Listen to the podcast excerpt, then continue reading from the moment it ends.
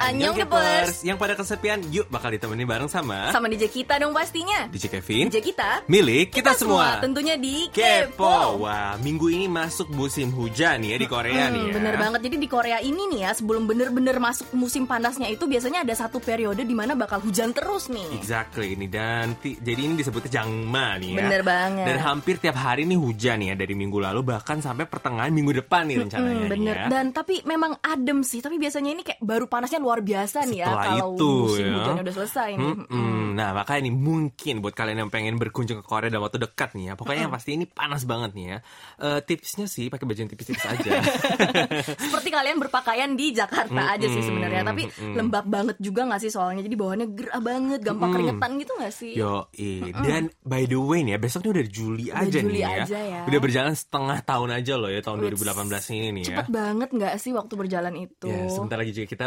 lulus bersama ya Amin, ya. please. Oh my god.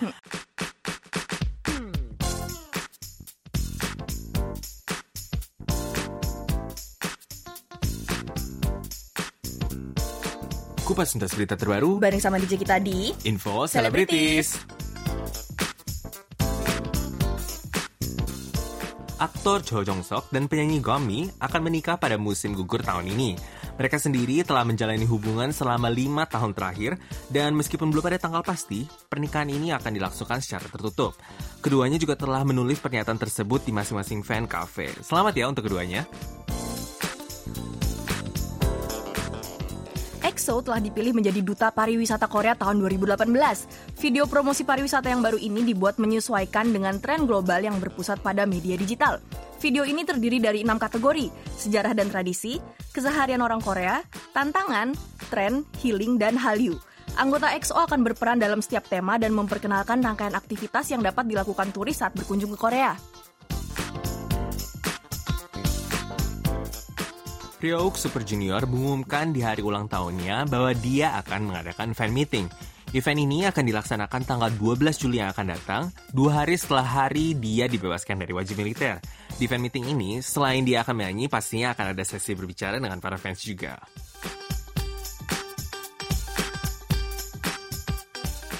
Triple H akan comeback pada tanggal 18 Juli yang akan datang. Hal ini dikonfirmasikan oleh Cube Entertainment dan mereka bilang kalau album ini bertemakan retrofuturism yang akan membawa nostalgia buat para pendengarnya. Ini merupakan comeback mereka setelah merilis mini album mereka pada Mei tahun lalu. Siapa nih yang tertarik dengan comeback mereka? YG Entertainment mengklarifikasi mengenai perlakuan khusus untuk G-Dragon saat dia dirawat di rumah sakit akibat operasi pergelangan kakinya. Kamar yang digunakan GD bukan kamar VIP, melainkan kamar kecil untuk satu orang untuk para tentara. Hal ini dilakukan untuk menghindari kekacauan yang mungkin terjadi ketika banyak pengunjung datang ke rumah sakit. Dan tidak ada perlakuan khusus yang diberikan kepada GD.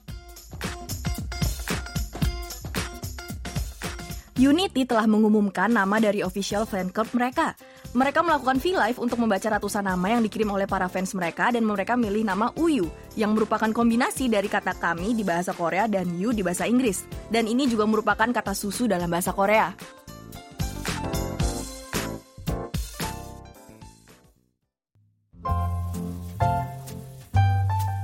Dear DJ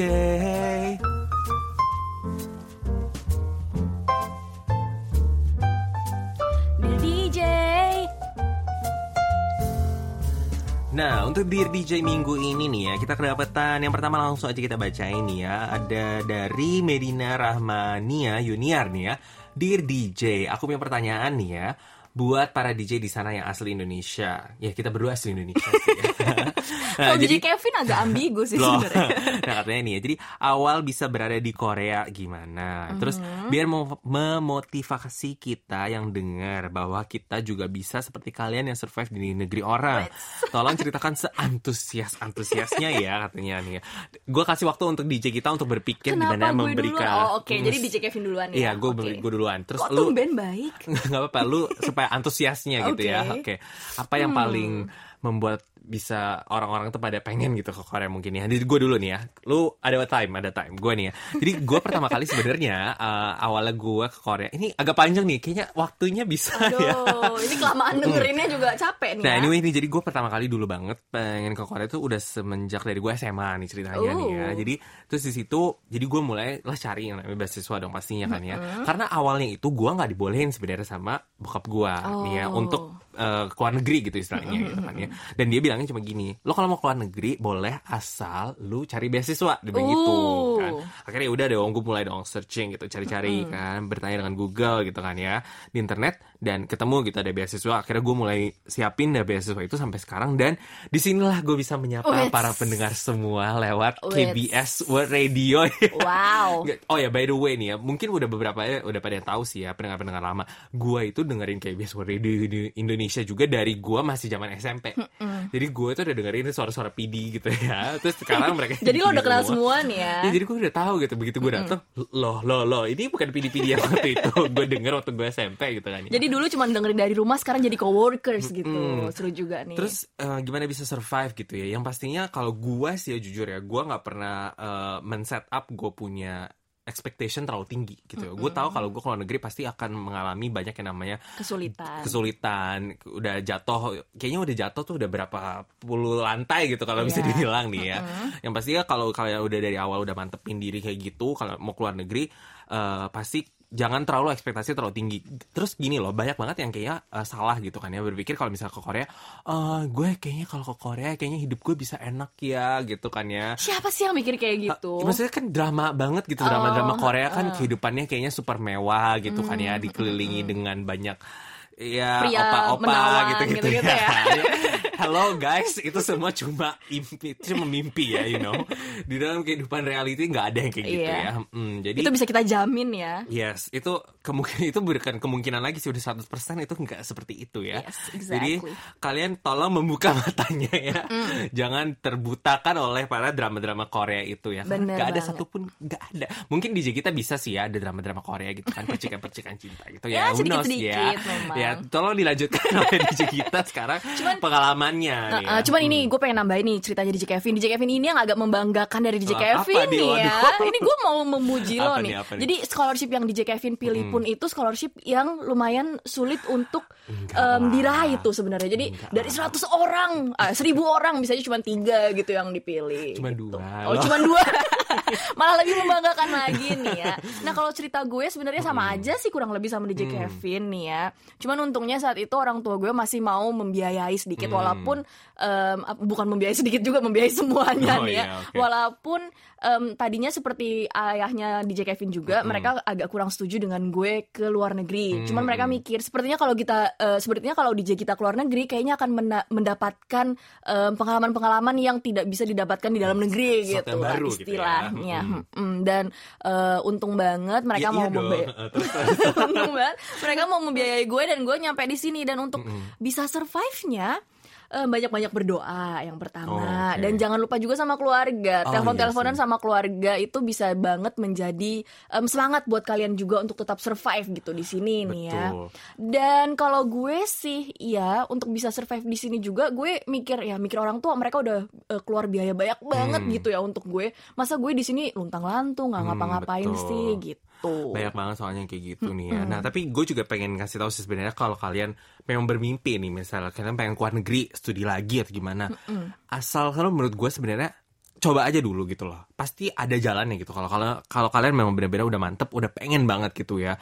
Dan Tapi jangan malas untuk mencari Betul. juga. Zaman sekarang banyak kayak yang eh Kak gimana sih untuk dapat beasiswa ini itu ini itu menanya boleh. Cuman kalau dari awal sampai akhir kalian nanya itu nggak baik juga. iya, gitu. gini maksudnya kadang beberapa juga masuk gitu. Eh gimana sih cara dapat beasiswa ke Korea? Terus gue gimana mesti jelasinnya Iya, gitu tanya nggak sih ya? dulu gitu. Enggak, kalau kalian nanya sesuatu yang lebih spesifik itu orang juga sebagai gua yang pengen Bener kasih banget. jawaban pun lebih kayak oh ini tuh begini, ini tuh begini. Kalau kalian nanya terlalu general gitu gue nggak tahu gitu loh mesti gimana Iya. cara ngejelasinnya dari awal gitu kan ya dan yang pasti banyak banget yang namanya googling dan gue dari dulu pun nggak pernah nanya sama orang Bener gitu loh karena gue yang pertama kali gitu kan ya Sama-sama. jadi gue nggak nanya sama orang gue nanya semua sama internet gitu ya dan bisa gitu loh gue sampai di sini gitu kan ya jadi pasti kalian semua pun bisa gitu ya Bener kalau banget. misalnya kalian punya mimpi yang seperti ini siapa pun bisa kok. Mm, Iya. dan next nih ya kemudian Dan ya. selanjutnya ada dari Okta Ayu. Halo DJ, aku mau cerita dan nanya nih DJ. Hmm. Akhir-akhir ini aku lagi kangen banget nih main sama teman-teman dan main tradisional. Oke. Kangen main di lapangan lari-larian sama teman-teman, main galaksin, gue suka banget galaksin. Main petak umpet, bentengan. Hmm. Bentengan, Oh my god. mm. Ya main ya banyak gerak gitu nih ya. Aku Yes. juga kangen sama mainan anak-anak zaman dulu, jajanan jajanannya dan suasananya nih J. Makin hari aku makin ngerasa lingkungan makin berkembang. Anak-anak zaman sekarang lebih suka main gadget dan main dalam rumah daripada di luar rumah. bener banget Nah, tapi nih DJ, di Jakarta ada toko yang isinya bikin kita flashback ke masa kecil gitu. Namanya toko Cemal Cemil. Di daerah Jakarta Selatan, di sana banyak banget makanan, cemilan, dan mainan yang udah jarang banget kita temuin saat ini. Dan dijamin betah banget kalau ke sana. Nah, pertanyaan aku nih DJ, menurut DJ, gimana pandangan DJ sama makanan atau mainan tradisional yang sudah mulai bergeser posisinya dengan adanya gadget dan makanan kekinian? Segitu aja DJ, terima kasih ya. Tiba-tiba nih ya gue jadi keinget nih ya makanan tradisional yang lu pengen banget apa nih yang tiba-tiba lu kayak suka banget gitu apa gue kalau yang keinget sih kue cubit Kue cubit ya. laba-laba Oh, gitu laba-laba. Gue suka telur yang digulung sama masnya di kayu itu loh. Apa ya itu ya. Ada deh pokoknya yang biasanya dijual di depan apa namanya? itu loh yang telur gulung, lidi-lidian gitu gitu lidi-lidian juga, sama batagor lah itu bukan makanan tradisional sih iya sih ya, kayaknya. heeh. Cuman cakwe, cakwe ya. Heeh. by the way nih memang gue juga baru pertama kali denger nih ya toko cemal cemil ini nih. Kayak seru banget loh ya. Mm. dan gue tuh dulu itu suka main yang kayak macam monopoli gitu-gitu ya ah nggak sih bener-bener bener. Kalau gue sih bekel sih mainnya. bekel Sampai kelas 5 SD-an deh gue masih itu main bekel. yang disentil-sentil itu apa ya Yang dari Tazos, yang dari Citos gitu. Oh iya.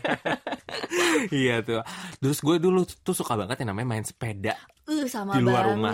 sama orang-orang gitu kan, Iya. anak-anak kompleks gitu. Iya. Kalau gue sih memang jujur nih ya, kayak rada takut gitu loh dengan banyaknya gadget-gadget yang keluar ini kayak eh, kehilangan dari makanan-makanan yang zaman dulu ini dan Bener juga banget. mainan-mainan tradisional Ah, gitu udah kan. ya. kehilangan banget essence untuk banyak gerak deh kayaknya Betul. ya. Eh, Main benteng-bentengan Galaxy. Siapa yang main benteng-bentengan sama? Galaxy? Sekarang benteng-bentengan kita mainnya online Iya. ya. Tapi dulu kita bisa main itu dengan dengan fisik Ntar kita sendiri WhatsApp gitu. dulu, eh kita online jam segini ya, bareng ya main Nyebelin gitu ya. online ya. Ngecek apa namanya koneksi internet gitu Yo, ya. ini ya. Tapi gue yang agak gue takutin adalah kita kehilangan dari jati diri kita nih ya sebagai orang Indonesia dengan permainan-permainan tradisional yang udah dari nenek moyang kita yang kita dibawa gitu kan ya. Bener Hmm. Dan gue yang rada itu kayak nggak bagus juga buat kita nggak sih secara physically gitu karena kita nggak bergerak gitu kan ya. Hmm, dan kalau dari kecil kayak misalnya udah pegang gadget gitu. Dari kecil pasti mata lo udah rusak. Iya. Terus mungkin otak lu kena radiasi handphone lah apalah walaupun itu katanya udah hoax ya sekarang. iya. Cuman bisa aja emang apa namanya memberikan pengaruh negatif gitu kan anak kecil kan. Hmm, ya mungkin seperti itu ya bisa kita kasih masukan ya tentang tadi nih ya tentang toko cemil-cemil itu nih ya. Dan pasti sekian untuk Dear DJ Minggu ini ya. Dan jangan lupa banget nih ya untuk berpartisipasi minggu depan. Kita tunggu banget nih cerita-cerita menarik dari para kepor semua. Dan jangan lupa juga untuk kirim email lewat email kita di indonesia@kbs.co.kr dan Facebook message kita juga ya. Yoi, dan untuk laporan penerimaan siaran minggu ini kita bacain ya. Ada dari Okta Ayu Melia Widanti nih ya. Sinponya 55555 28 Juni 2018 jam 7 sampai jam 8 malam di Jakarta Utara via radio 102,6 MHz sama Jaya FM ya. Eh, KBS World Radio Warta Berita kemenangan Korea Selatan atas Jerman meskipun keluar dari Piala Dunia 2018 ini wow banget Gue ya. nonton juga dan ini wow banget nih. Gue nggak nonton sih ya, tapi itu tak waktu eh, itu gol itu ya. Semuanya teriak, Iya. semua apartemen lo pasti teriak semua, nggak ada yang nggak teriak nih. itu gue rasa satu Korea semua teriak deh. Bener ya. banget. Eh, dan selanjutnya dari Nurina Ayung Ningtyas tanggal 28 Juni eh, 2018 pukul dela- 7 sampai 8 waktu Indonesia Barat lokasi Surakarta Jawa Tengah dengan Sinpo 55555 via streaming radio 102,6 MHz Camajaya FM. Suara jernih banget, sejernih suara DJ yang setiap memberikan banyak informasi. Sukses terus ya KBS World Radio Indonesia. Makasih ya Nurina nih ya. Dan sekian untuk laporan penerimaan siaran minggu ini ya.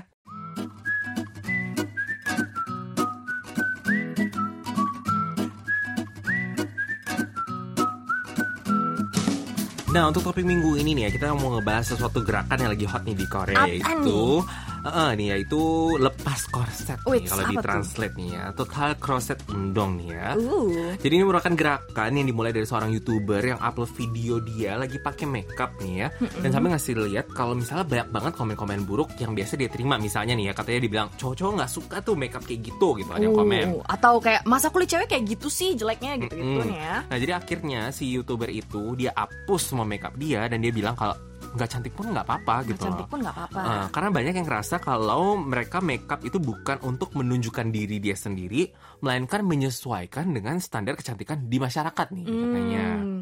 Dan gerakan ini sendiri pun bisa berarti nggak pakai make up, potong rambut pendek dan lain-lain. Jadi pokoknya lepas dari standar kecantikan seorang wanita nih ya. Hmm. Nah, jadi untuk kata kamu kata kamu minggu ini, jadi agak beda, beda nih ya konsepnya nih ya. Hmm. Nah, jadi kita mau bagi kubu nih ya yang masih berhubungan dengan gerakan tadi. Kalau menurut gue sendiri sih cewek itu lebih cantik sebenarnya kalau pakai make up Hmm. nih. Tapi kalau menurut gua nih ya, sebenarnya cewek itu justru paling cantik itu kalau mereka lagi nggak pakai makeup. Uh, jujur nih. Hmm, gue bilang gitu. nah, kalau para kepors ada di kubu yang mana nih dan kenapa? Dan menurut kalian sendiri makeup itu buat kalian itu apa gitu? Artinya Hmm. apa? Nah langsung aja kita bacain yang pertama nih ya Ada dari Dharma nih ya Halo DJ kita Kalau menurut saya tergantung nih DJ ya Ada yang memang beberapa orang lebih cantik pakai makeup nih ya Ketimbang tidak dan ada juga yang sebaliknya. Jadi bersyukur sekali bagi mereka yang sudah memiliki wajah cantik alami tanpa menggunakan makeup nih seperti DJ Gita ya. Dan beruntung pula bagi mereka yang tetap terlihat cantik nih ya meski tanpa atau menggunakan makeup. Soalnya saya sudah pernah melihat contoh beberapa orang yang ketika pakai makeup terlihat cantik, tapi ketika tidak menggunakan makeup terlihat biasa saja dan sebaliknya.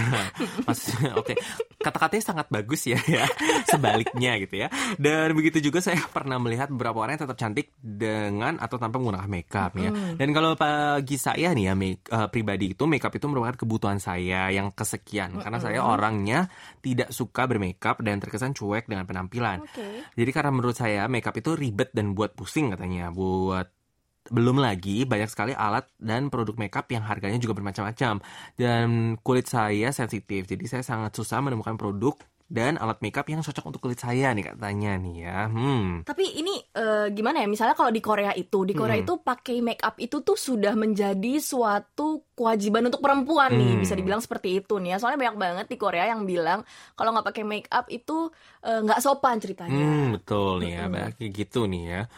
Kayaknya mereka tuh udah kayak harus mau nggak mau harus gitu loh, mau masuk kantor, mau ke mana bener gitu kan Karena ya. wajah kita sebenarnya bener juga kenapa nggak eh, kenapa kita mesti pakai make up ya Mm-mm. mungkin dan eh, make up di sini artinya adalah at least membuat kalian terlihat tidak capek itu sih Hmm, kayaknya nih gitu ya. ya. Mm-mm. Lebih sopan mungkin kayak eh, menunjukkan kalau misalnya kalian itu peduli gitu loh, mau Mm-mm. pergi ke, ke mana gitu kan ya, Eh, nggak banget. cuek gitu mungkin. Mm, Dan ya. kalau di kantoran kan kalian ada meeting, ketemu Hmm. orang sana sini. Kalau misalnya wajah kalian terlihat capek gitu kan, agak Mm-mm. kurang eh, sopan juga mungkin ya. Mm. Dan selanjutnya dari Visti Desinta, kalau menurut saya pribadi akan lebih nyaman tanpa make up nih ya, lebih nyaman.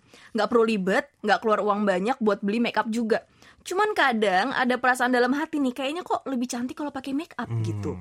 Jadi bisa bantu untuk menutupi flaws yang ada di wajah. Overall, make up gunanya untuk membuat kita nyaman. Kalau kelihatan kusam atau enggak fresh karena nggak make up, kan nggak nyaman juga DJ kan. Tapi satu hal yang harus dicatat nih ya, kita pakai make up ya bukan topeng. Hmm. Jadi seperti jadi seperlunya aja. Kalau gara-gara nggak make up jadi nggak percaya diri, ya nggak bagus juga DJ. Ini setuju sih gue. Hmm. Iya, masalahnya banyak banget yang kayaknya justru jadi topeng gak sih? Bener ya? banget. Jadi Eh, apa namanya?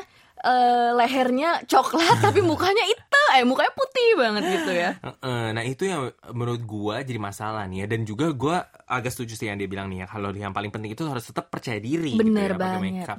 Jadi dari tapi menurut gua nggak pakai makeup pun harus percaya diri sebenarnya. Sebenarnya begitu Iya juga, sih? bener banget. Karena itu ya wajah kamu gitu. bener loh. banget, setuju Heeh. setuju. Ini tumben DJ Kevin Lumayan hari ini ya. Agak jalan kayaknya otaknya. Dan kemudian ada dari Retno Nate River ya katanya Wait, ya. namanya Hal- sungai. Halo DJ, kebetulan aku suka nge-cover dance dan makeup itu jadi salah satu kebutuhan. Oh. Jadi aku cuma makeup kalau memang butuh ya DJ ya. Contohnya kalau lagi lomba dance cover dan semacamnya. Wow. Selebihnya aku lebih suka nunjukin diri aku sendiri yaitu tampil tanpa makeup. Karena aku pengen orang-orang membiasakan diri dengan tampilanku yang biasa saja tanpa makeup. Tapi sesekalinya pakai makeup jadi kelihatan kayak look so gorgeous Wait. gitu. Ya. Nah, karena nggak seru kan ya kalau orang-orang udah kebiasa lihat kita tiap hari pakai makeup. Dan sekali yang nggak pakai makeup malah dikata aneh katanya. Mm-hmm. intinya buat aku makeup itu kebutuhan dan tampil no makeup itu untuk tampilin diri sendiri ya apa adanya gitu sekian DJ thank you katanya nih ya Hmm, Hmm. Nah kalau gini sih ngerti banget nih ya mau tampil karena ada acara khusus memang makeup itu wajar banget nih ya. Apalagi kalau kalian punya penonton Hmm. gitu. Nah tapi benar nih yang kata Retno itu harusnya nampilin diri sendiri aja gitu. Jadi Bener tanpa banget. makeup pun kalian harus tetap percaya diri kalau menurut gue Hmm, sih bener gitu. banget dan ada poin juga di mana sesekalinya nanti pakai makeup orang-orang malah ngelihat si Retno ini Jadi- lebih kayak ih kok hari ini cantik banget sih Hmm, gitu. Walaupun gitu ya. sebenarnya kalian eh, si Retno ini dari dulu pun udah cantik nih ya tanpa. Dan selanjutnya dari Kanti Rizky Mulyantari, Hai DJ, bagaimana kabarnya? Wah, pembahasan yang menarik nih ya. Kalau menurut aku sih, cewek pasti akan lebih cantik saat menggunakan make up nih ya. Tapi kalau aku sendiri sih, kalau hari-hari biasa, ya paling pakai make up yang natural aja gitu. Paling pakai lipstick sama krim doang, tapi kalau di rumah aja biasanya males pakai make up. Nah, untuk acara-acara tertentu, pasti make upnya akan lebih tebal ya seperti waktu lagi mau nikah gitu. Jadi ya sesuaikan aja make upnya dengan acara yang akan diikuti, katanya gitu. Hmm, jadi tetap eh, ini ya nyesuain kalau misalnya mau tebel, misalnya lagi yang acaranya lagi heboh gitu pakai tebel. Kalau enggak ya biasa aja gitu Iya, ya. tapi kalau di rumah ya nggak pakai makeup juga Eh, sih. tapi maksudnya jangan yang kayak setiap hari pakai makeup tebel juga gitu Bener kan banget, ya. bener banget. Karena Hmm. makeup itu juga em, akan merusak kulit kalian ya Tuh. eventually gitu. Nah ngomongin soal merusak nih ya Jadi ini yang kemudian selanjutnya nih ada komen dari Novi Ekastiani nih ya Halo DJ kalau aku kayaknya setuju sama DJ kita katanya Soalnya kalau cewek mau cantik itu ya memang harus pakai makeup Kalau kata teman aku wajah itu bukan diedit tapi dirawat. Nah, ini ya. hmm, setuju banget tuh ya. Jadi buat cewek yang memang pengen tampil cantik, lebih cantik, nggak ada salahnya sedikit melakukan perawatan wajah dan sedikit pakai bolesan makeup. Pengantin aja supaya lebih cantik pasti harus didadanin kan ya. Jadi makeup itu perlu banget buat para cewek meskipun cuma sekedar polesan bedak tipis aja katanya nih ya. Hmm. Tapi ini betul banget nih ya. Sekarang mana banyak banget kan cewek-cewek yang edit foto sampai kelihatannya kayak orang lain Iya, gitu. begitu lihat. Sampai V-nya bener-bener V gitu dagunya. Ngeliat dari foto, wow cantik Iya, banget dan, ya. Dan yang lucu nih ya ada orang yang edit foto tapi nggak memperdulikan orang-orang di sekitarnya. Dia orang-orang sekitarnya ikutan lebar, Oh, tapi iya, dia iya, iya. sendiri doang yang Bener, kurus bener, gitu. bener, bener. Itu lucu banget. Ya, gue pernah dengar katanya ada orang mau cuma sekedar alba gitu, mionjob gitu. Mionjob apa bahasa Indonesia? Wawancara. Wawancara. Terus dilihat fotonya, oh cantik gitu kan. Ya, begitu datang katanya nggak dikenalin ini siapa gitu katanya. Oh gue datang wawancara, kok kayak ini ya, kayak mama gitu katanya gitu. Eh, dan memang gitu kalau gue agak setuju sih ya harus rawat dulu tetap yang Iya, ya, bener banget. kulitnya nih ya supaya tetap lebih kelihatan cantik kan Bener ya. banget. Dan lagi nih ada dari Kiki Coy. Hai DJ kita. Kalau aku sih di kubunya DJ Kevin Oh. nih. Yaitu cantik tanpa make up. Karena bagiku make upan itu rada ribet. Buang-buang waktu dan justru lebih banyak debu menempel di wajah kalau kita make up. Makanya aku kurang suka. Dan dalam keseharian aku juga memang tanpa make up. Alhamdulillah masih punya alis asli. Uh. Dan aku juga memang pede aja sih sama warna kulit wajahku yang rada sedikit eksotis. Maklum hobiku renang nih. Sama, kita eksotis ya Kita eksotis ya. nih. By the way, aku pernah nih sekali iseng make up pas di keseharian dan teman-temanku yang cowok pada bilang kalau aku lebih cantik tanpa make up. Dan apa emang kebanyakan opini cowok begitu ya, DJ? Hmm, mungkin ya. Tapi gue nih jujur nih ya, kalau gue kalau pakai makeup normal masih menutupi menutupi flow kayak DJ kita kesehariannya seperti ini, gue merasa gue cocok gitu, pas normal oke gitu aja. ya. Tapi gue kalau udah nggak suka kalau misalnya udah merah-merah gitu ya, sorry banget, super sorry ya. Tapi gue nggak suka kayak misalnya cewek yang pakai kayak lens warna-warni matanya. Oh. Kalau menurut gue kayak nggak nor nggak normal gitu loh, nggak mm-mm, doesn't look natural gitu loh. Iya, kalau misalnya masih abu-abu atau coklat itu mungkin masih, masih bisa. oke ya. Heeh, masih oke. biru, biru, pink, hijau gitu. ah, gitu gua waris that gitu loh.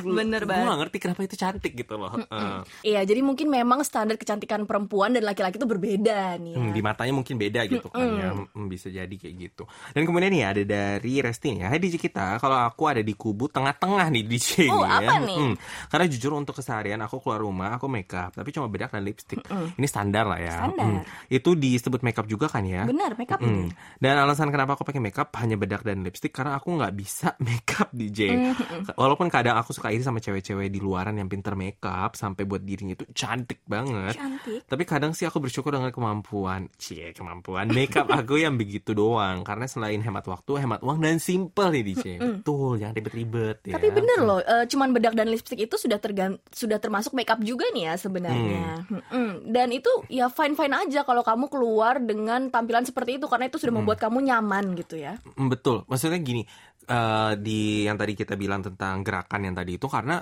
banyak yang mikir kalau misalnya tertekannya itu oh gue harus makeup menyesuaikan dengan orang lain pada mikir oh lu tuh harus makeup gitu. Tapi kalau lu sendiri udah nyaman dengan begini makeup tipis-tipis doang ya udah gitu nggak apa-apa gitu harusnya yang nggak sih ya jadi jangan tertuntut kalau misalnya oh gue masih makeup tebel gitu Bener atau banget. gimana gitu kan ya Hmm. Dan lagi nih ya, lan- dilanjutin dari Erna Kurniawati. Kalau saya ikut kubu DJ kita nih, tapi makeupnya yang natural, nggak yang menor. Jadi sebatas pakai pelembab muka dan bedak sama lip balm atau lipstick yang nggak terlalu tebal. Hmm. Kalau makeup yang menor berasa badut katanya gitu. Ingat dulu tuh gue sering banget ya lihat yang kayak di video-video di YouTube atau gimana gitu yang kalau misalnya eh, cewek hapus makeupnya tiba-tiba mukanya doang. berubah total Aduh, gitu gue juga kan sering ya. banget Itu kan topeng gitu. topeng banget gitu Mm-mm. kan ya. Bahkan sekarang agak lebih ekstrim tuh videonya cukup sama, cuman kita bisa ngelihat di mana ceweknya itu pakai apa namanya plaster di dagunya gitu-gitu. Jadi pas plasternya dibuka ternyata dia agak eh, agak tembem atau lebih cabi dari yang dia Oh. sebenarnya gitu. Nah itu yang maksudnya kayaknya kalian pakai topeng terus kalian dituntut untuk cantik seperti media gitu kan Iya. untuk pengen kayak gini maksudnya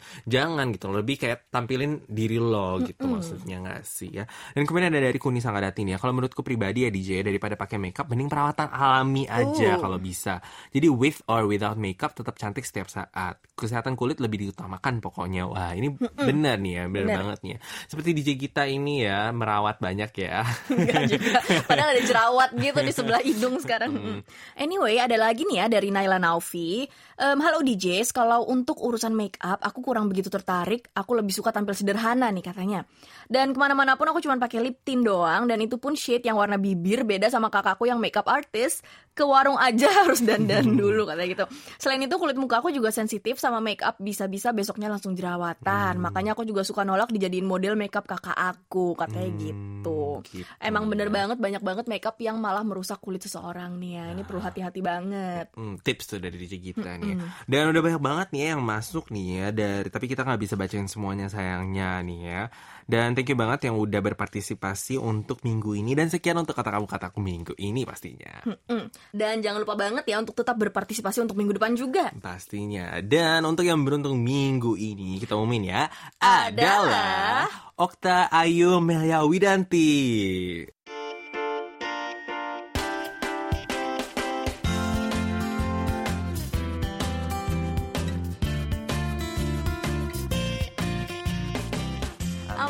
Annyeong. annyeong. Cek Kevin, Cek kita. Apa kabar nih, Mel? Baik-baik aja. Kalian apa kabar nih? Kabar baik dong pastinya Oh, ya. Sudah baik. selesai semuanya. Baik ya, Alhamdulillah. baik. Hmm, tesnya sudah diterima kita semua bertiga kan ya? Belum. Tinggal di Sedikit doang. lagi Dikit ya, ya. amin. Kita Doain doakan ya. ya. Didoain terus deh pakai pokoknya. Nah, sekarang doanya udah dua orang buat satu orang aja. Oh ya. Fokusnya sama satu aja Iya, di kita Kemarin aja, kan ya. masih bagi-bagi. Hmm. Dan udah mulai musim hujan nih Korea nih ya. Tadi udah dibahas ya. Yo, ini ya sering banget nih ya hujan ya. Pertanda kalau musim panas sesungguhnya akan segera datang ya. Hmm, Semoga nggak banjir dan typhoon aja nih ya. Biasanya kalau di daerah selatan suka kena typhoon kan kayak di Busan. Gue kemarin udah dari Busan jadi udah Oh, lewat nih iya. typhoonnya Kalau ya. typhoon lo nggak bisa tanding lagi kayak. Iya makanya nih ya. Anyway, untuk topik dari Korea Minggu hari ini apa nih? Mau cerita Oke. apa nih hari ini Mel? Masih tentang per-K-popan ya pasti. Wow. Pasti semua orang suka gak sih? semoga nggak bosen ya.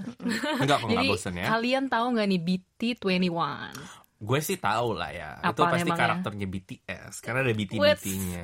Kok tahu sih? You know, gue tuh jadi tahu gara-gara adik gue tuh minta dibeliin. Ah serius?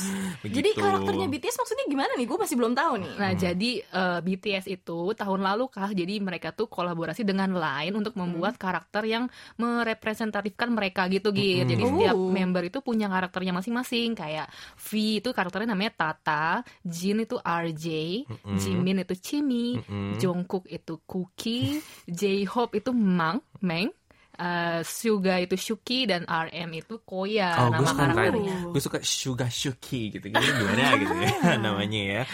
Mm, jadi gue juga kayaknya kayak nggak tahu sebenarnya apaan gitu ke BT21 gitu kan. Dan setelah akhirnya gue bertanya kepada Amel, Yes. apakah itu BT21 ya? Jadi baru Amel tahu. juru kunci perkepopan nih ya. Iya, ini itu guru kalau bahasa tapi gurunya tuh guru yang bahasa Inggris gitu loh, guru gitu Guru. ya. Sensei, sensei kalau bahasa Jepang ya. Nah jadi banyak banget katanya merchandise merchandise dari BT21 ini yang dijual mulai dari gantungan kunci lah, itu plush apa sih plush ya, apalah itu ya, terus kayak boneka, baju, stationery dan lain-lain ya. Oh, gitu. Hmm. Jadi banyak banget stationery dan pernik-pernik dari BTS Betul, betul. nih ya. Jadi mereka punya store-nya sendiri apa ada juga di line friend store-nya nih? Jadi setahu gue sih mereka nggak ada store-nya sendiri ya gitu. Jadi cuma tersedia di Line Friend Store yang besar gitu. Jadi nggak di semua Line Friend Store Hmm. ada. Oke. Cuma ada di Itaewon atau di Hongdae. Nah, tapi kadang kita juga bisa lihat sih kayak beberapa barangnya BT21 ini ada di toko buku atau toko souvenir gitu. Oh, ada tapi juga.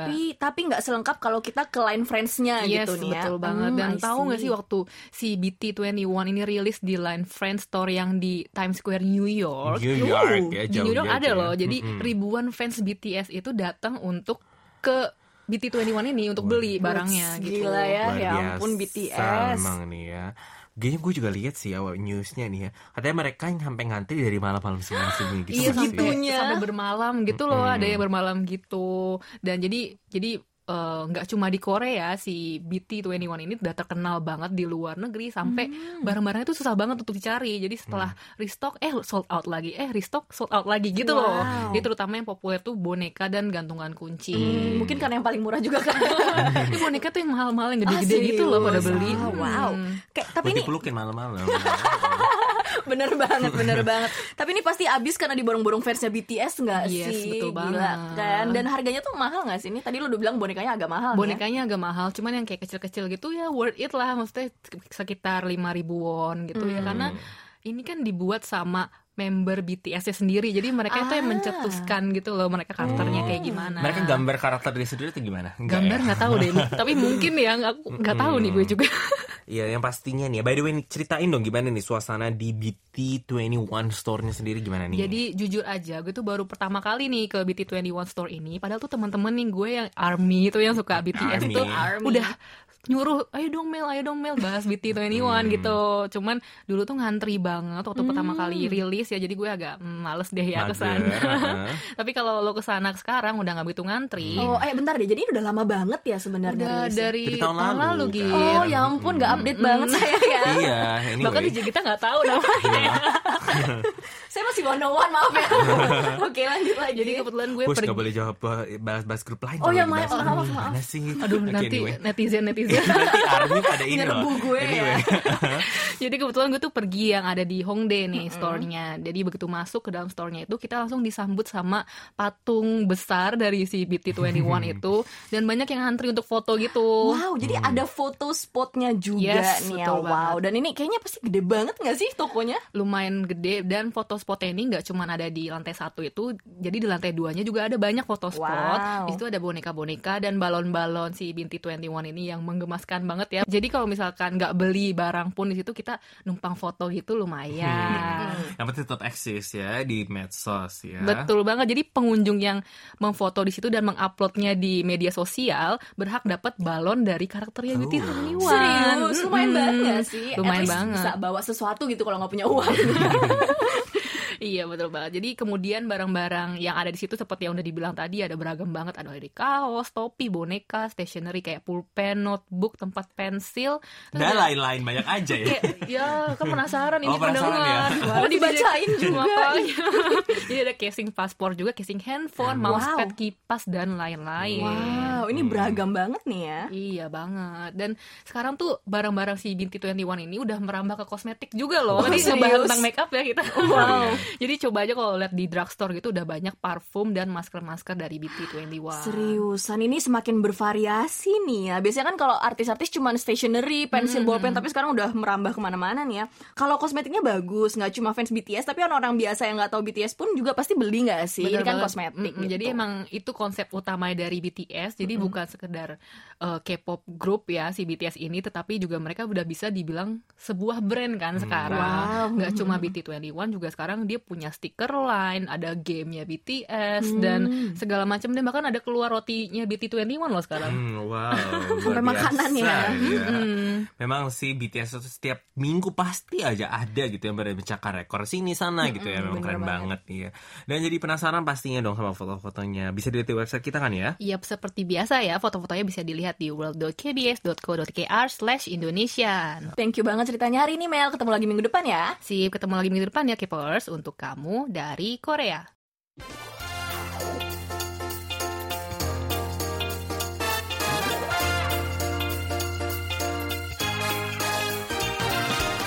Dan gak kerasa udah waktunya untuk closing Kepo minggu ini. Jangan sedih nih ya, karena kita akan seperti biasa menyapa Kepoers minggu depan. Sampai ketemu lagi minggu depan ya para Kepoers. Dan tetap Kepo! Kepo!